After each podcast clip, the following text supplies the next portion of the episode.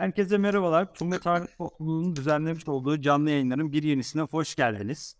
Bugün bizimle Profesör Doktor Özkul Çobanoğlu e, olacak. Onu konuk edeceğiz. Hocam nasılsınız?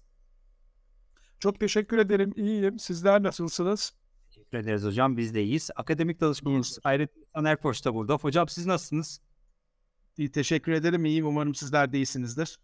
Teşekkür ederim hocam. Ee, evet, e, müsaadenizle hocam kısa bir özgeçmişinizi aktaracağım. E, Profesör Doktor, Doktor Özkul Çobanoğlu Hacettepe Üniversitesi Edebiyat Fakültesi Türk Dili ve Edebiyat bölümünden mezun olmuştur. Çobanoğlu 1987 yılında Hacettepe Üniversitesi Edebiyat Fakültesi Türk Dili ve Edebiyat bölümü Türk Halk Bilimi ana bilim dalında araştırma görevlisi olarak göreve başlamıştır. 1989-92 yılları arasında Yüksek Öğretim Kurulu tarafından görevli olarak gönderildiği Indiana Üniversitesi Fort Worth Enstitüsü Yüksek Lisans Programı'ndan mezun olmuştur. 1992-96 yılları arasında Hacettepe Üniversitesi Sosyal Bilimler Enstitüsü'nde doktora programını Aşık Tarzı Şiir Geleneği içinde Destan Türü Monografisi adlı doktora tezini hazırlayarak tamamlamıştır. Çobanoğlu'nun ulusal ve uluslararası bilimsel toplantılarda sunulmuş çok sayıda bildirisi, ansiklopedi maddeleri ve hakem dergilerde yayınlanmış bilimsel makaleleri bulunmaktadır. Çobanoğlu, Hacettepe Üniversitesi Edebiyat Fakültesi'nde kurucusu olduğu Türk Halk Bilimi bölümünde bölüm başkanlığını devam ettirmektedir. Evet hocam sözü size bırakalım. Ee, öncelikle e, sözlerime başlarken e, herkesi en derin saygılarımla selamlıyorum. Ee, Çanakkale'de, Çanakkale Tarih Bölümünün öğrenci topluluğunun e, kanalında olmak gurur verici, memnuniyet verici, şevk verici. Ee, bu duygularla herkesi selamlıyorum. Söze nereden başlayalım? Söze ne yapacağımızı tarif ederek başlamak faydalı olacaktır. Bu akşam ben sizlere e, 50-55 dakika içerisinde iki temel e, araştırma alanı hakkında bilgi vereceğim. Birincisi aşık tarzı, kültür geleneği ya da edebiyat geleneği nedir, nasıl başlamıştır ve bunun başlamasında kahvehanelerin nasıl bir yeri ve rolü vardır. Dolayısıyla aşık tarzı meselesi e, öncelikli Türk kültür tarihinde en eski zamanlardan beri e, anlatıcılar, hikayeleri oluşturanlar, anlatanlar, kurgulayanlar, hikayelerin etrafında insanlar toplanır. Anlatılar ve içkiler. Her e, toplantının, topluluğun e, olduğu yerde mutlaka içecek bir unsur. Bu çay olur, kahve olur, kımız olur, e, rakı olur, olur olur olur. Onlar bir araya getirir, toplar insanları ve anlatılar, sarar, sarmalar. Onları bir e, kitleden yavaş yavaş bir gruba dönüştürür. Bizim kültür tarihimizde en eski e, bu tür e, sanat e, insanı, kültür insanı, tarihçi, e, din insanı gibi pek çok işlere sahip olan ve Türk e, kültürünün hatta proto e, Türklük döneminden itibaren yavaş yavaş toplumsal tabakalaşmada ilk farklılaşan unsur kamlıktır, kamlar, şamanlar. Yani Morgan e, ilkel sürü diyor, ilkel sürü halindeki insanlardan rolü itibariyle ilk farklılaşan insan bizim kültürümüzde kamlardır. Kam, e, yani e, ötelerden e, haber veren, dini, siyasi, ruhani lider konumunda diğerlerinden bir adım önde olan insan. Ve bizim kültürümüzde başlangıçta bunlar kadındır, kadın kamlardır. Sonradan erkek kamlar çıkacaktır ortaya. Ve e, tanrısal e, ya da ritüellerdeki ilişkilerde alkış dedikleri dualar, alkış şu da alkıştır Türkçe'de ama asıl dua anlamında alkış. Nasıl beddua anlamında kargış kelimesi var. Onun gibi bir de alkış vardır. Alkışlar söyleyerek Tanrı'yla, Tanrısalla e, iletişim kuran, dualar eden, müzik eşliğinde, e, raks eşliğinde e, törenler düzenleyen, ritüeller düzenleyen bir e, sanatçı, insan tipi, lider tipi olarak karşımıza çıkıyor. Kamlar, kamlık. Bu tabii ki Türk kültürünün gelişmesine paralel olarak özellikle Güney Sibirya ormanlarından gittikçe e, doğru çıktıkça toplayıcılıktan, avcılıktan yavaş yavaş hayvancılığa, konar göçer hayata doğru dönüştükçe bu tip de değişecek. Medeniyetimiz şekillendikçe o da farklı farklı işlevlerde farklı farklı unsurlar çıkacak. Mesela bugün sılıkçı dediğimiz sılıkçılık yani kırığını çıkığını hala Anadolu insanı ortopedistlerin e, iş göremediği yerlerde sılıkçılar var. Sılıkçılar geleneksel yollarla tedavi ediyor. Çok eski zamanlarda bu da kamların bir göreviydi. Bu da şamanların bir göreviydi. Ama zaman içerisinde iş bölümü çoğaldıkça, yoğunlaştıkça ayrıldı kamlıktan. Keza e, dini, siyasi, ruhani liderliğinin yanı sıra e, işte şiirlerle, epiklerle, mitik unsurlarla yani edebi, tarihi yönleriyle kamların yaptıkları anlatıları üstlenen bir Ozan Baksı geleneği çıkacak. Yani en mükemmel örneği e, İslamileşmiş bir formda gördüğümüz Dede Korkut. Dede Korkut Ozanlar Ozanı, Ozan. Dede Korkut aşık değil ama Dede Korkut bir ozan. E, onu biraz daha e, bu geleneksel e, tedavi yollarıyla bağdaşan şekliyle baksı diyoruz, bakıcı diyoruz. Onlar var ya da bakçılar var. Ama e, Budizmin kabulünden itibaren biz de e, millet hayatımızda yavaş yavaş manastır ya da tekke diyebileceğimiz yapılar, kurumlar ortaya çıkacak. Maniheizmle, Budizmle beraber ki bu yapılar üzerinde İslamiyet'i kabul ettikten sonra tekke tasavvuf edebiyatı geleneği, kültür geleneği oluşacak ve özellikle de 12. yüzyılda e, Hoca Ahmet Yesevi Hazretleri bu işi e, yapanların piri ve o kendini aşık olarak direndirecek. Aşıklar, pek çok şiirinde ey aşıklar diye kendine öyle hitap ettiği, o şekilde e, tapşırdığını göreceğiz. Ama tekke kurumu etrafında olup biten e, dinidir, dini bir mahiyettedir. Doğası gereği e, orada insanlar inançlarını e, pekiştirmek için ya da e, inançlarını tebliğ etmek için, başkalarına aktarmak için dini bir format içerisinde, bir yapılanış içerisinde anlatacaklar. Ne zamana kadar? 16. yüzyıl ortalarına kadar. 16. yüzyıl ortalarına kadar ki İbn Batuta seyahatnamesi çok güzel e, Anadolu'daki görüntüsünü verir. E, neyin? Yatsı ezanından sonra bir şehirde gidecek bir yer yoktur. 16. yüzyıl ortalarına kadar yatsı ezanından sonra e, umuma açık bir yer, yani toplumun geneline açık, gidilebilecek, oturulabilecek bir hastahane yok. Bir bozahane yok. Meyhaneler var ama meyhaneler e, Hristiyan unsurların ya da Musevilerin meyhaneleri var açık, tavernaları var açık. E, e, gayrimüslim unsurlar zaten kale içinde kalmaları yasak. Gayrimüslim unsurlar akşam ezanından sonra kalede kalacaksa kale beyinden izin almak durumundalar. Efendim e, oradaki Müslümanlardan e, bir kişi ona kefil olmalı vesaire falan falan falan. Kale dışında onların yerleri orada kalacaklar. Onların meyhaneleri de tavernaları da orada. Peki Müslümanlar? Müslümanlar ancak tekkeler açık. Tekkeler herkese açık. Ee, tekkelere e, gidilebiliyor. Tekkelerde eğlenceler var. En popüler olan işte e, helva sohbetleri en popüler bilinenler, en yaygınları. Ee, ama tekkeler arasında da e, şimdi olduğu gibi müthiş yarışlar var tarikatlar arasında da. Yani İbn Batuta e, Alanya'dan çıktıktan sonra işte Akdeniz kıyıları bizim Ege, yukarı Kastamonu falan Anadolu'yu gezip dolaştığında gittiği şehirlerde e, değişik tekkelerin onu misafir edebilmek için nasıl yarıştığını, nasıl rekabet ettiklerini anlatır. Orada e, bize e, bir perspektif verir.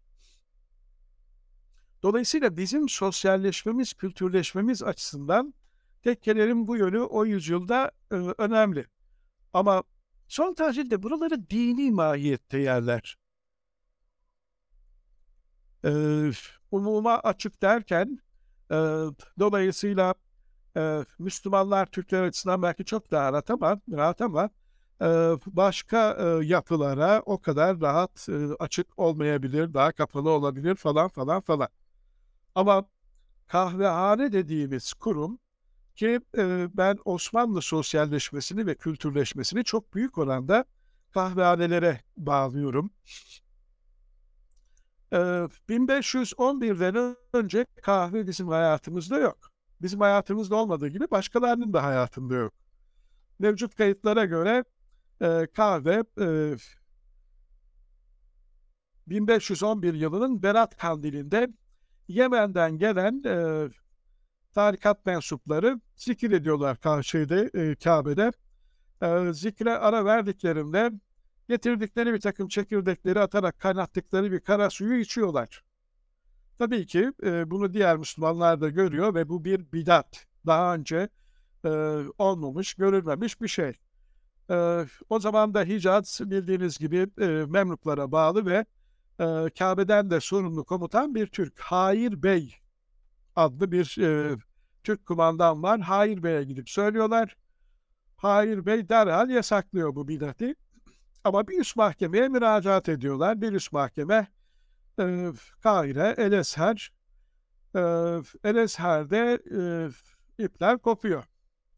Edine-i Şevriye yani İslami ilimlerde ya, yahut, e, yahut İslam açısından herhangi bir noktada hüküm verilirken e, dört e, cephesiyle bakılır işe.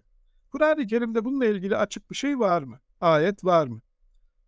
E, kahve ile ilgili Kur'an-ı Kerim'de hiçbir ayet yok. Peki hadis var mı? Sahih hadis var mı? Peygamber Efendimizin e, kahvenin ne idüğüne dair, neyliğine dair söylediği hiçbir şey yok. Şimdi, e, yani hadiste de yok. Üçüncü mesele kıyas. Peki kıyaslanarak yapılabilecek bir şey var mı? Yani e, kıyas yapılabilecek e, ayette yok ama e, bile bile kendinizi tehlikeye atmayınız şeklindeki bir ayetten hareketle eğer e, bu kahveler kavrulurken kömüre dönüşürse ve bir insan kömür yerse devamlı olarak kendini öldürebilir, e, onu öldürebilir. Dolayısıyla devamlı kömür yemek dolayısıyla e, bir nevi intihar gibi, bir nevi kendini öldürmek gibi olacağı için böyle çok zayıf, e, kelelaka bir kıyas yapıldı daha sonraları. Bundan başka da kıyas yapılamadı. Dolayısıyla kıyas da gerçek anlamda çalışmıyor. Dördüncüsü icbai ümmet yani o andaki ulemanın tamamının ittifak ettiği bir sonuç. Hiçbir şekilde hiçbir zaman kahve konusunda İslam ümmetinin uleması hiçbir şekilde ittifak edemediler. Bir kısmı helal dedi, bir kısmı haram dedi, bir kısmı e, işte o zayıf e, kıyaslar yaptı falan falan. Dolayısıyla 1511 yılından itibaren ciddi bir buhran çıktı ortaya. Ulema Beyliği'nde, Elesher Üniversitesi'nde vesairede. 1511 6 yıl sonra 1517 Ridaniye sonrası Mısır'da bizim olacak, Elesher'de bizim olacak, Hicaz'da bizim olacak. Dolayısıyla bu kahve problemi de nur topu gibi bir problem olarak Osmanlı Devleti ailesinin e, ulemasının problemi olacak. E, bu problemi yaklaşık bir e, 50-60 sene devam ettirdik. Biz de çözmeye çalıştık ve bunu çözme konusunda en çok gayret gösteren isim Lehanatsız'ın e, ifadesiyle söyleyelim, Türk hukuk tarihinin en önde gelen isimlerinden birisi olan Ebu Suud Efendi. Bunun altını çiziyorum özellikle Atsız'ın naklediyorum ifadesiyle. Çünkü son yıllarda bu uyduruk kaydırık tarih dizlerinde öyle tarihi şahsiyetler e, ufalanıyor ki e, son gördüğüm birkaç filmde de bir kamyon şoförü gibi bir tavır içerisindeydi Ebu Suud Efendi'nin yansıtılması. O bilmem ne nasıl yüzyılda vesaire falan filan. Yani bunlar e, kaş yaparken göz çıkarıyorlar. İşte Ebu Suud Efendi de atsızın böyle adlandırdığı bir adam, nitelendirdiği bir adam. Bizim iş bilmez e, e, senaristlerimiz ve yöneticilerimiz eliyle e, bu tür tuhaflıklara uğrayabiliyor. Ebu Suud Efendi ömrünün çok ciddi bir kısmını pek çok fetva vererek kahveyi men etmeye çalışıyor, yasaklamaya çalışıyor. Ee, kahve ile ilgili problemi ne? Kahve e, sarhoşluk veren bir nesne değil. Ama Ebu Suud Efendi'nin verdiği en son fetva şu şekildedir. Ee, kahvenin devir halinde. Ee, en başlarda kahve, Türk kahvesi ortaya çıkıncaya kadar mırra şeklindeydi. Bugün de hala bizim Hatay'da, e, Urfa'da, Adana'da birçok yerde e, kaynatılan sade kahve. E, ya biz Türk kahvesi ortaya çıkınca Türkler kahveyi kaynatmazlar normalde. Yani kaynamış kahveye iyi gözle bakmayız. e, ama başlarda kahve kaynatılan, o sıcak suyu alınan o zehir gibi marula, sade kahvenin de sadesi şeklinde ee, ve kulplu fincan o zaman yok. Henüz daha fincan zarfları falan filan çıkmamış. Kupsuz tek bir tane fincan. Ee, müminin artığı mümine şifadır diye e, bugün pek hoşumuza gitmese de vaktiyle çok kullanan, kullanılan bir hadis var. Bu hadisten hareketle yani müminin artığı mümine zarar vermez gibi bir anlayış içerisinde yıkamadan o fincanı pat diye içine kahve doldurarak verme Buna devir halinde kahve içmek deniliyor. Devir halinde. Çünkü 1511'den sonra e, kahve gündeme geliyor, yayılıyor kahveden.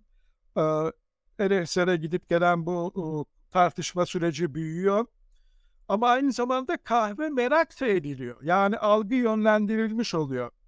Trend bir şey hadisine, haline dönüşecek. İçecek haline dönüşecek. Hele hele haram olmadığına dair fetvalar yayıldıkça, çoğaldıkça şimdilerde büyük şehirlerde, parklarda gördüğümüz çay satanlar vardır. Elinde bir çaydanlık doldurur bardağı verir.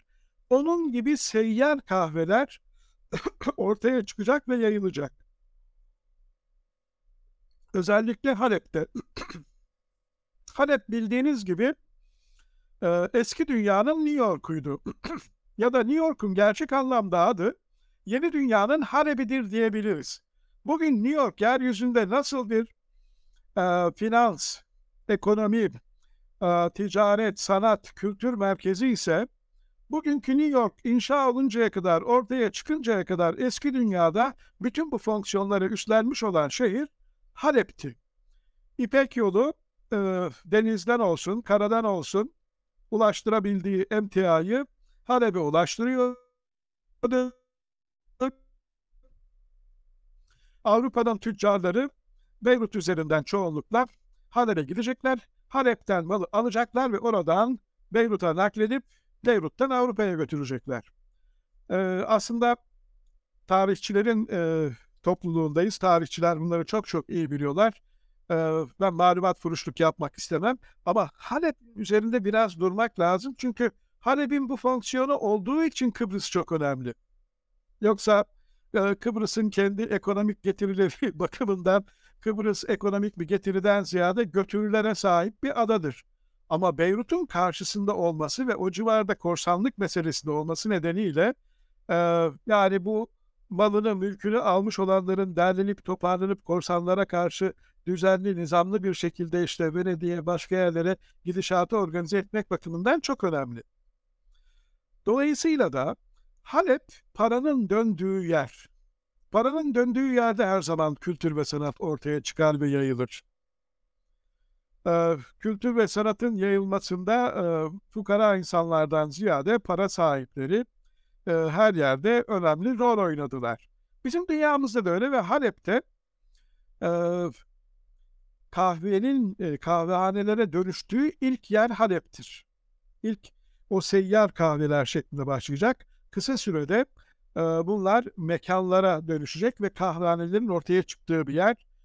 Ee, 1900, e, bin, e, 1534'lerde Halep'te ilk kahvehane ortaya çıkacak. 15-20 yıl içerisinde e, Katip Çelebi'nin e, tanıklığıyla söyleyebiliriz. 1550'lerde, 54'te falan İstanbul'da ilk kahvehane açılacak ve açıldığı yerde Tahtakale. Gene e, Tahtakale o zaman da bizim e, finans merkezimiz, merkezimiz, para merkezimiz, ticaret merkezimizin olduğu yer. Yani kahvehanelerin ilk açıldığı yerlerin parayla ilişkisi, kültürle ilişkisi bu yönüyle önemli. Başka? Ee, yani bizde 1554'te açılıyor kahvehaneler ama aşağı yukarı 1600'ün sonu 1700'lerin başlarında Katip Çelebi'nin yazdığı Mizanül Hak diye bir küçük kitap var ama o kitapta 50 yıl sonra Türkiye'de kahvehaneler açıldıktan sonra nasıl bir halde olduğunu çok güzel tasvir ediyor Katip Çelebi. Ee, kamuoyu oluşturma merkezlerine dönüşmüş kahvehaneler.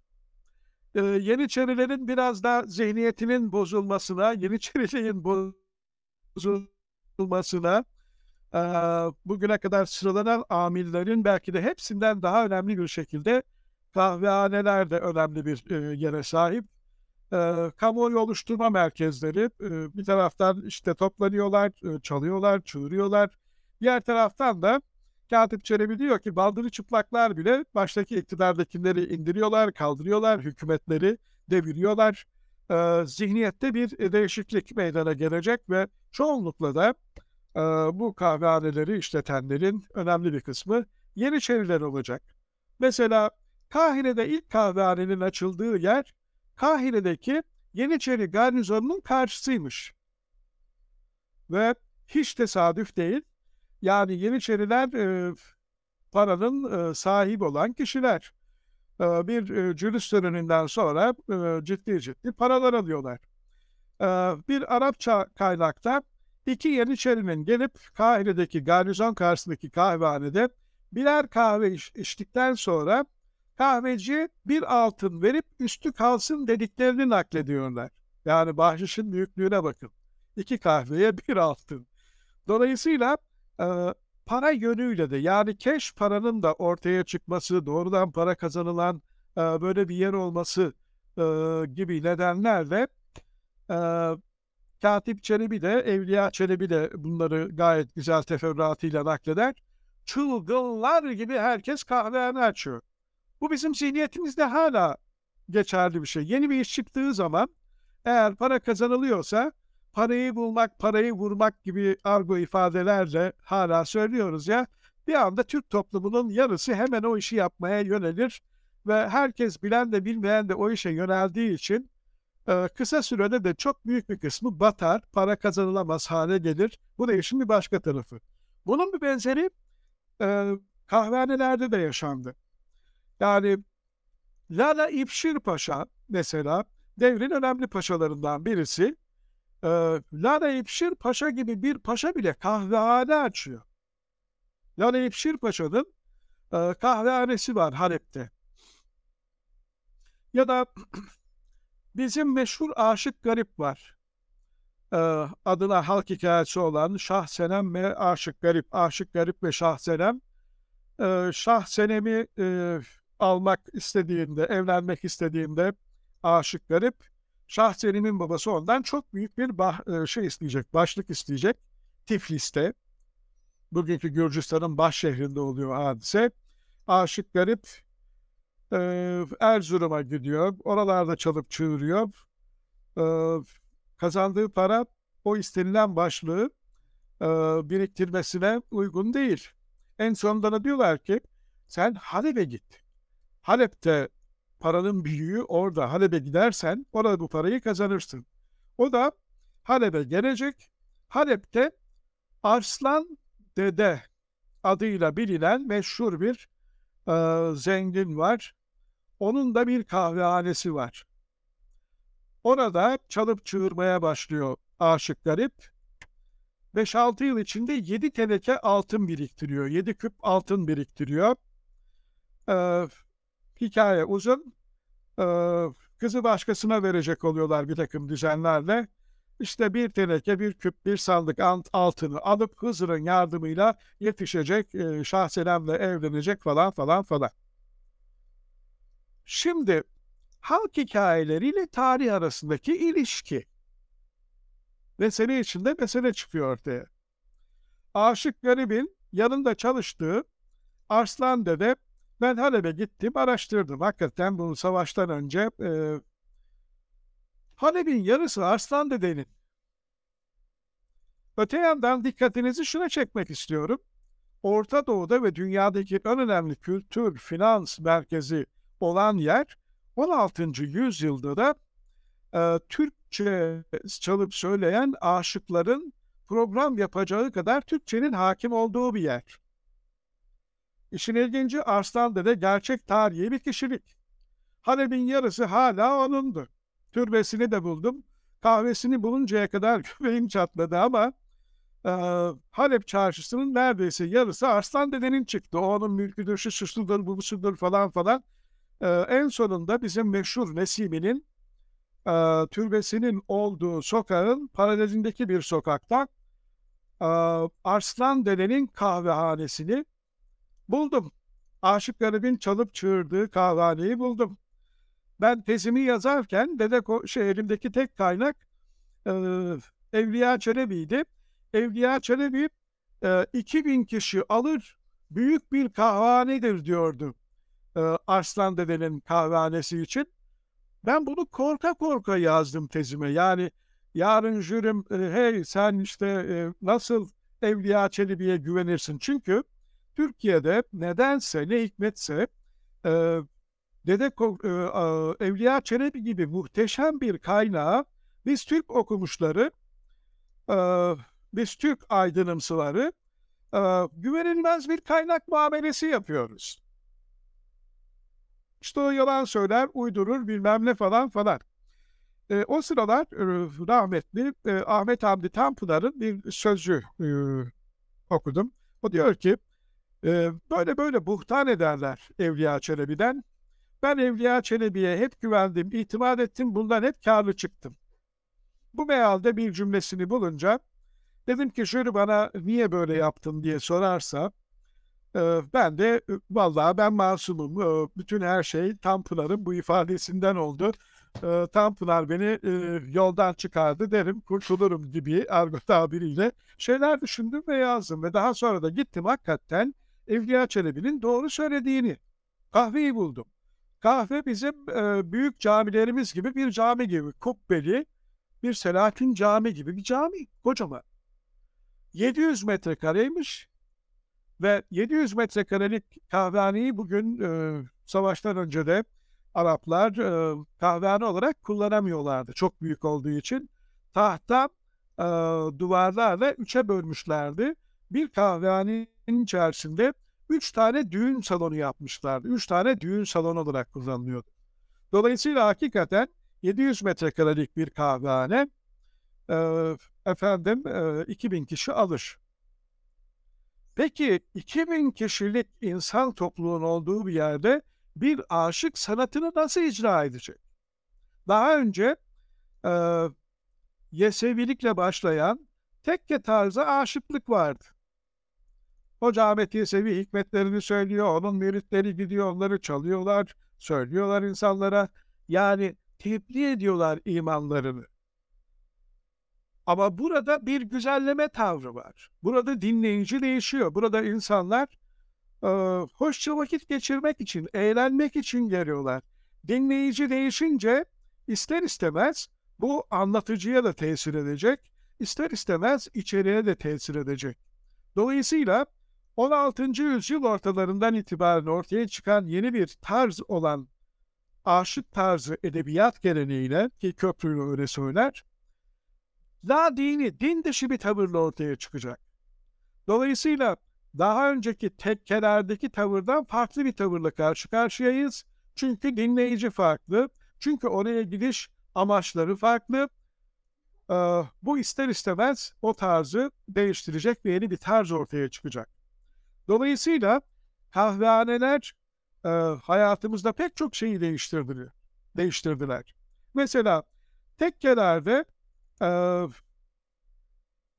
Bir eğitim aracı geleci olarak çıkan Karagöz ve Hacivat ya da Gölge Tiyatrosu kahvehanelere geldiğinde bu defa eğlence amaçlı hale dönüşecek ama baştaki, başlangıçtaki o tekke tasavvuf amaçlı çerçevelemeyi, çerçevelenmeyi muhafaza edecek. Aşık tarzıysa doğrudan doğruya buna yönelecek. Şimdi Türkiye'deki tekkelerin en büyük meydan yeri olan olanı Hacı Bektaş'taki e, Bektaşi tekkesidir. Yani yaklaşık bir e, aşağı yukarı 70-80 metrekarelik bir alan. 70-80 metrekarelik bir salonda Allah dostu olduğuna inandığınız bir veli olduğunu düşündüğünüz bir insan gelecek, çalıp söyleyecek. Oraya insanlar zaten imanlarını güçlendirmek için gitmişler. Dolayısıyla orada sinek uçsa duyulur. Ve orada Yunus Emre'nin e, çalıp söylediği ne diyor? Çaldık dinledik çeşte kopuz. Altı telli, e, bu telleri de çoğunlukla ibrişimden yapılan, e, birçok zaman da şelpe usulüyle çalınan, şelpe usulüyle çalınma nedeni de çünkü gövdesi tarda olduğu gibi deriyle kaplanmış kopuzlar çalıp söylüyorlar ya da o zamanın ifadesiyle çöğürler salıp söylüyorlar. Ama böyle bir yapıdan bir kahvehaneye geçtiğiniz zaman seyirci oraya farklı amaçla gitmişse ve çok daha fazla miktardaysa bu defa yavaş yavaş teknik değişmeler meydana gelecek.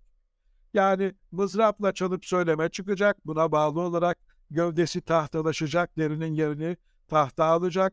Buna bağlı olarak Venedik'ten gelen çelik teller, bakır teller onlar da işin içerisine girecek sesi arttırmak için. Buna bağlı olarak divan sazı dediğimiz, meydan sazı dediğimiz saza değişecek, dönüşecek ve dolayısıyla e, yani kahvehanenin etrafında meydana gelen geleneğin oradaki sosyal, kültürel yapıya paralel olarak pek çok farklı teknik özellikler de taşıdığını görüyoruz. Ne bileyim o zamana kadar pek yaygın olarak görülmeyen 11 heceli şiirler çıkacak ortaya. Çok daha e, ondan önce e, 8 heceli, 7 heceli şiirler çok daha ön plandayken ama yavaş yavaş 11 heceliler ön plana çıkacak ve orada e, çalınacak, söylenecek vesaire. Dolayısıyla kahvehaneler bizim toplumsal yapımızda böyle bir değişim ve dönüşümün e, başlatıcısı. Dedik ki kahvehaneler öncesi bir Osmanlı şehrinde yatsı ezanından sonra gidecek Müslümanların, Türklerin oturacakları umuma açık bir yer yok. E, tavernalar var, meyhaneler var ama bunlar gayrimüslimlerin. Ankara'nın bile Ankara gibi İpek yolu üzerinde ticaretle uğraşan ahiliğin ön planda olduğu bir şehir 1920 yılında 20 bin nüfusu var yuvarlak rakamla. Ve bu 20 bin nüfusun yarısı 10 bini gayrimüslim. Ermenidir, efendim Rum'dur, Yahudidir falan. Bunu bir örnek olarak düşünelim. Ankara bile yarısı gayrimüslim. Ya da Anadolu'da nüfusu 100 bini geçen şehirler. Konya arada sırada 100 bini geçiyor. Bazen Erzurum'un geçtiği oluyor. Öyle 100 bini falan aşan şehir yok Anadolu'nun fazla. İstanbul bazen milyonu aşıyor. Avrupa'nın en büyük şehri oluyor. Ama ondan sonra bizim ikinci büyük kültür şehrimiz ne İzmir'dir, Ankara'nın esamesi bile okunmuyor. Bildiğiniz gibi Selanik. Biz bugün Selanik'in e, bünyemizde nasıl bir yerde olduğunu bilemeyen nesilleriz artık. Maalesef e, uydurellezine velvezine böyle tarih şeyleri yapacaklarına, dizileri yapacaklarına keşke biraz da e, sosyal ve kültürel önemiyle, özellikleriyle millet hayatımızdaki Osmanlı Devleti'ndeki yeri ve rolünü e, Selanik'in ön plana çıkaran, ortaya koyan diziler yapsalar, programlar yapsalar keşke daha iyi anlasak. Dolayısıyla İbn Batuta'nın arkasından işte Evliya Çelebi gittiğinde mesela kahvehaneleri anlatıyor. İstanbul'da o zamandan kalma bir kahvehane yok elimizde. Çünkü İstanbul'un bütün kahvehaneleri ahşaptan yapılıyor. ahşaptan yapılmış kahvehanelerin e, 17. 18. e, yüzyılda çizilmiş harikulade gravürleri var. Mahfel diyorlar. Yani e, 50, 100, 150 metrekarelik e, çoğunlukla dikdörtgen ya da kare şeklindeki salonlar. Ama tabanda dört tane mahfel var. Daha çok müşteri gelsin, çeşitlilik olsun diye dört mahfel de üst katta yapıyorlar. Ee, 8 mahfelli, bazen 6, 6, 12 mahfelli kahvehaneler var. Çünkü çok önemli bir gelir kaynağı kahvehane. Doğrudan cash, nakit paranın geldiği yerler. Ee, ama İstanbul'un kahvehaneleri ahşaptan. O gravürlerdeki kahvehaneler gravürlerde kalmış durumda. Ee, keşke bir e, büyük ya da küçük şehir belediye başkanımız o kadar para harcıyor. Keşke ben Üsküdar Belediyesi'ne de defalarca yazdım, bildiriler sundum. Efendim eskiden Eminönü Belediyesi vardı. Belediye başkanının aklına yattı. Gülhane'de böyle bir kahvehane yapacaktı. Adamın belediyesi iptal oldu.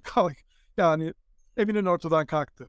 Keşke büyükşehir belediyeleri ya da Fatih Belediyesi gibi belediyeler İstanbul'un o eski kültür merkezi olan 4 ya da 8 mahfelli, 12 mahfelli ahşaptan bir ya da birkaç tane kültür merkezi yapsalar da milletin evine sunsalar. Çünkü bunların bir mahfelde bir aşık gelmiş, başka bir aşıkla atışıyor. Ama başka bir mahfelde tasbazlar ya da hokkabazlar, hokka oynatıcıları, tas oynatıcıları, sihirbazlar, değişik değişik her mahfelde bir başka sanatçı var. Orada sanatını icra ediyor.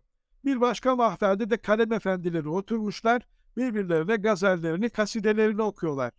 Yani Türk kültür tarihinde Türk kültürleşmesi, Türk sosyalleşmesi Osmanlı Devleti'nde kahvehaneler etrafında böylece oluştu.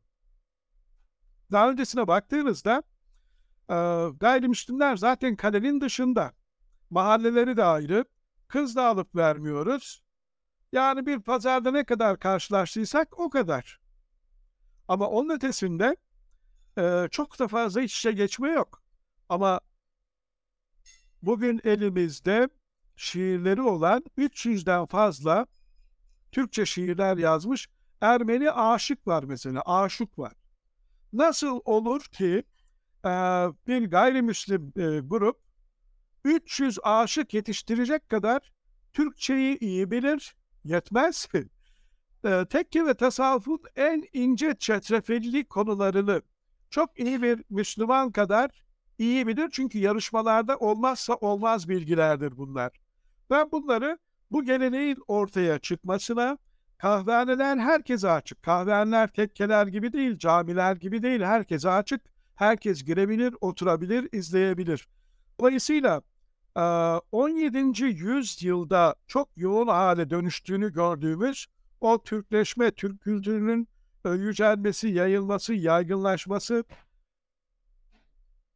medreselerde bile öğretilmeyen Türkçenin e, imparatorluğun belli başlı bütün azınlıklarına yayılması, yaygınlaşmasında kahvehanelerin çok eşsiz bir yere sahip olduğunu düşünüyorum.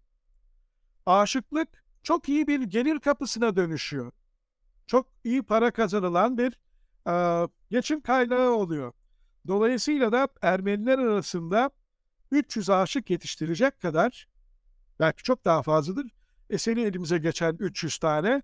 Dolayısıyla Türkçenin Ermeni toplumu tarafından öğrenilmesi, özümsenmesi, yayılması, yaygınlaşması, keza aynı şey kısmen e, Gürcüler arasında oldu. Diğer azınlıklarda da benzer yapılanmalar var. Bu emsalsiz bir şey. Bu yönüyle hiç uğraşmadık. Tarihçiler de bakmadılar buna. Ee, bizim kültür tarihçileri de halk bilimi, e, halk kültürü cephesiyle de fazla bakılmadı. Ama bu yönüyle son derece önemli bir yere ve role sahip. Orada sosyalleştiriyor insanları, orada kültürleştiriyor. Bir nevi internetin günümüzde yaptığının e, farklı e, bir yönüyle Osmanlı Devleti'nde Osmanlı barışını, o Paksı Osmanlı'yı gerçek anlamda sağlayan, yayan, yaygınlaştıran başta e, biz Türklerin e, kültürünün, dilinin e, diğer gruplarca da özümsenmesine, bilinmesine, tanınmasına, anlaşılmasına, yayılmasına zemin oluşturan e, önemli bir faktör olduğunu düşünüyorum.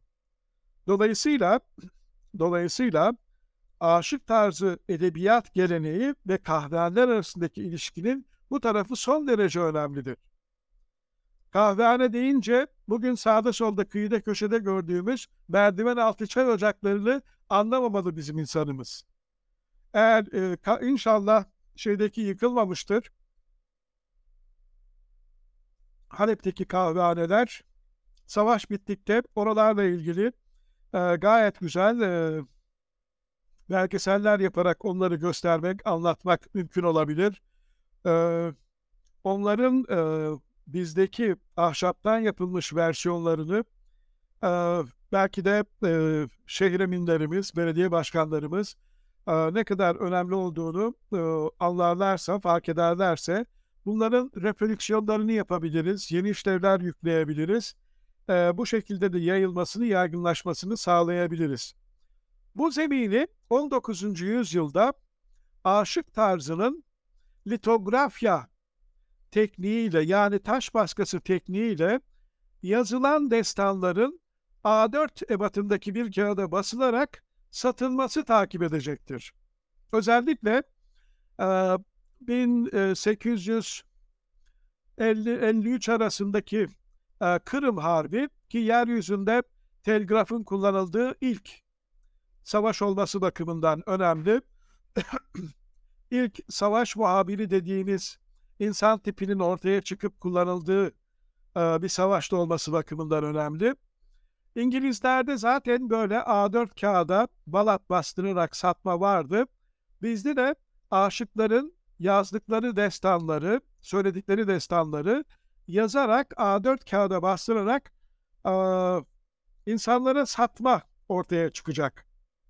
Ve bu aşıklığı çok güçlendiren bir faktör olarak karşımıza çıkacak. Çünkü 1850'ler 70'lerden sonra Abdülhamit dönemi başladığında Abdülhamit gazetelerde sansasyonel haberlerin yer almasını bile yasaklıyor sansür döneminde.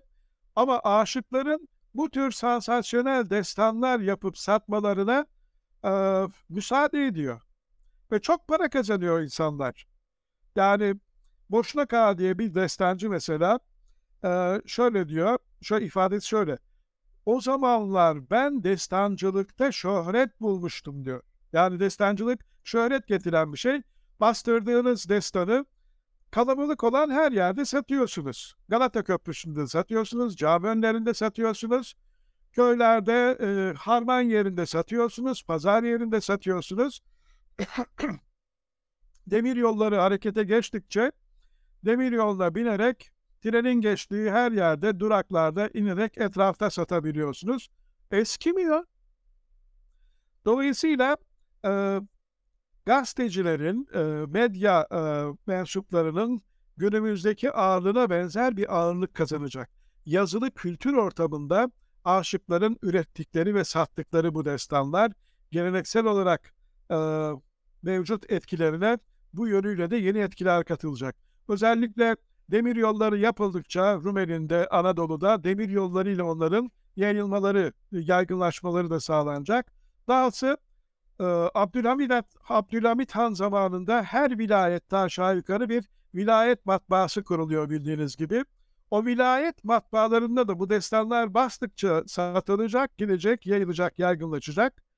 Yani bizde gazete okuma, yazma alışkanlığından önce edinilen bir alışkanlıktır. Bu tip destanları alıp e, okuma. Çünkü e, köyden gelmiş adam pazara e, işte almış alacağını geri dönecek bir tane de destan alıyor. Son derece entelektüel bir etkinlik. Yani yediğin içtiğin senin, ol, senin olsun ama gördüğünü anlat. Sansasyonel konularda destanlar yazılıyor. Savaş konularında destanlar yazılıyor. Başka mesela sansasyonel hale getirmek için konuyu aşıklar da her zaman olduğu gibi mübalağayı arttırmayı yapıyorlar. İşte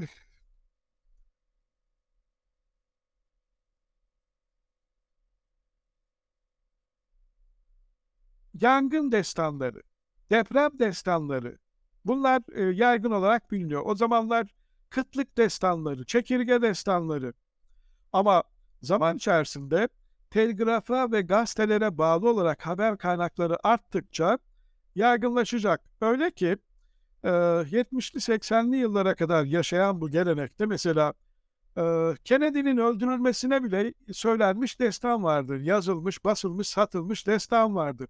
Beyaz Kelebeklerin bir zamanlar meşhur bir gruptu. O grubun e, kaza geçirip e, trafik kazası sonucu ölmelerinden müteessiz olanlara yönelik yapılmış destanlar vardır. Dolayısıyla çok yaygın.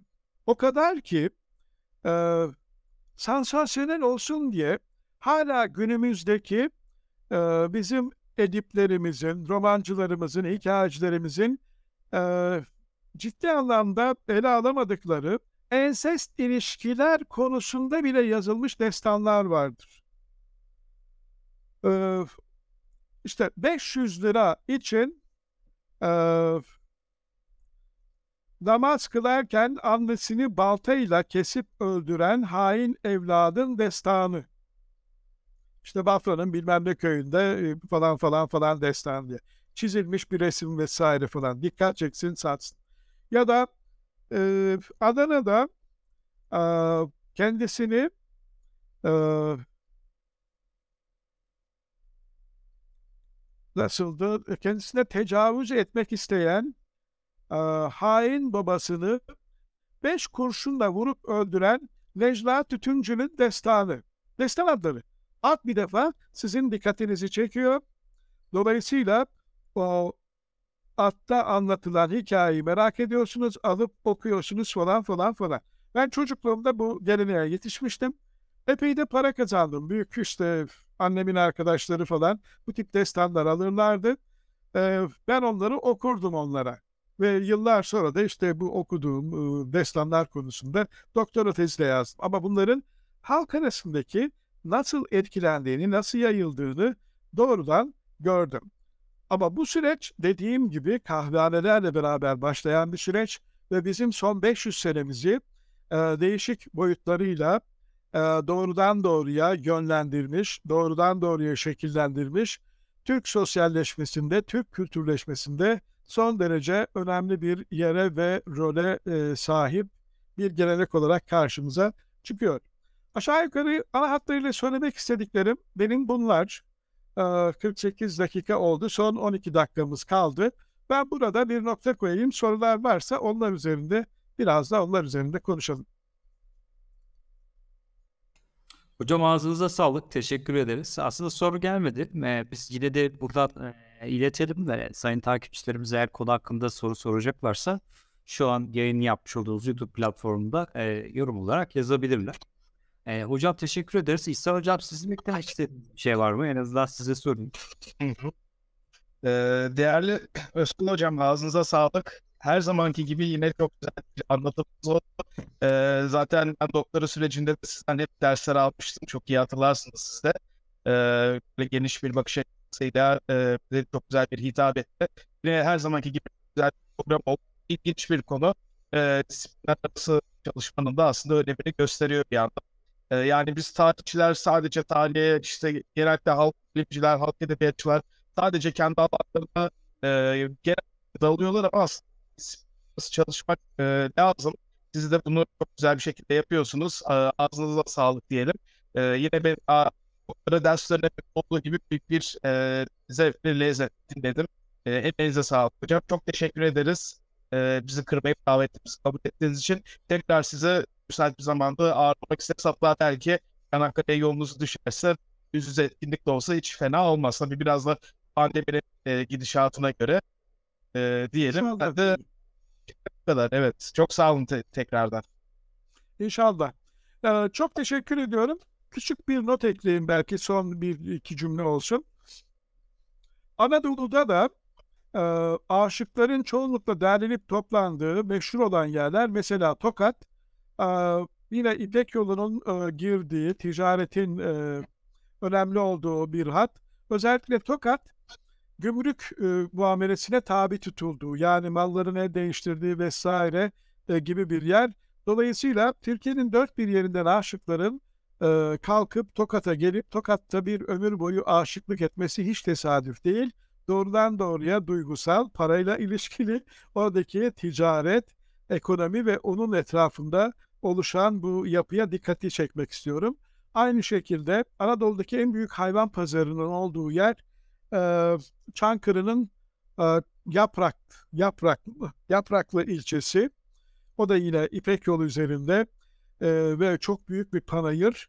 E, o panayırda da yine yetişen, gelen Türkiye'nin dört bir tarafından aşıkların icra sanat eylediğine e, işaret etmekle e, yetinelim. Yani e, parayla, ekonomiyle, ticaretle Halep'in benzeri küçük yapıların nasıl yayıldığı, nasıl yaygınlaştığı ve aynı zamanda da kahvehanelerde oluşan bu kültürel geleneğin, edebiyat geleneğinin millet hayatımızı nasıl etkilediğini e, ana hatlarıyla da olsa anlatmaya, aktarmaya çalıştım. Bu konuyla ilgili zaten benim doktora tezim var. Merak edenler YÖK'ten ya da basılmış halini bularak okuyabilirler. E, ben bana bu fırsatı verdiğiniz için sizlere çok teşekkür ediyorum. İnşallah görüşmek üzere. Hocam teşekkür ediyorum. Tekrardan teşekkür ediyorum hocam. Soru gelmedi. Ben kazılmış olan, izlemiş olan tüm arkadaşlara, katılanlara teşekkür ederim. Tekrardan size de çok teşekkür ediyorum. Ee, görüşmek dileğiyle diyorum. Eyvallah. İyi akşamlar. Evet. Hepiniz